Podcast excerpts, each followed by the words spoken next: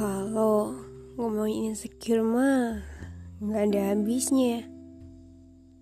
Gue yakin kok semua orang pasti pernah ngerasain insecure. Cuma beda masalahnya doang.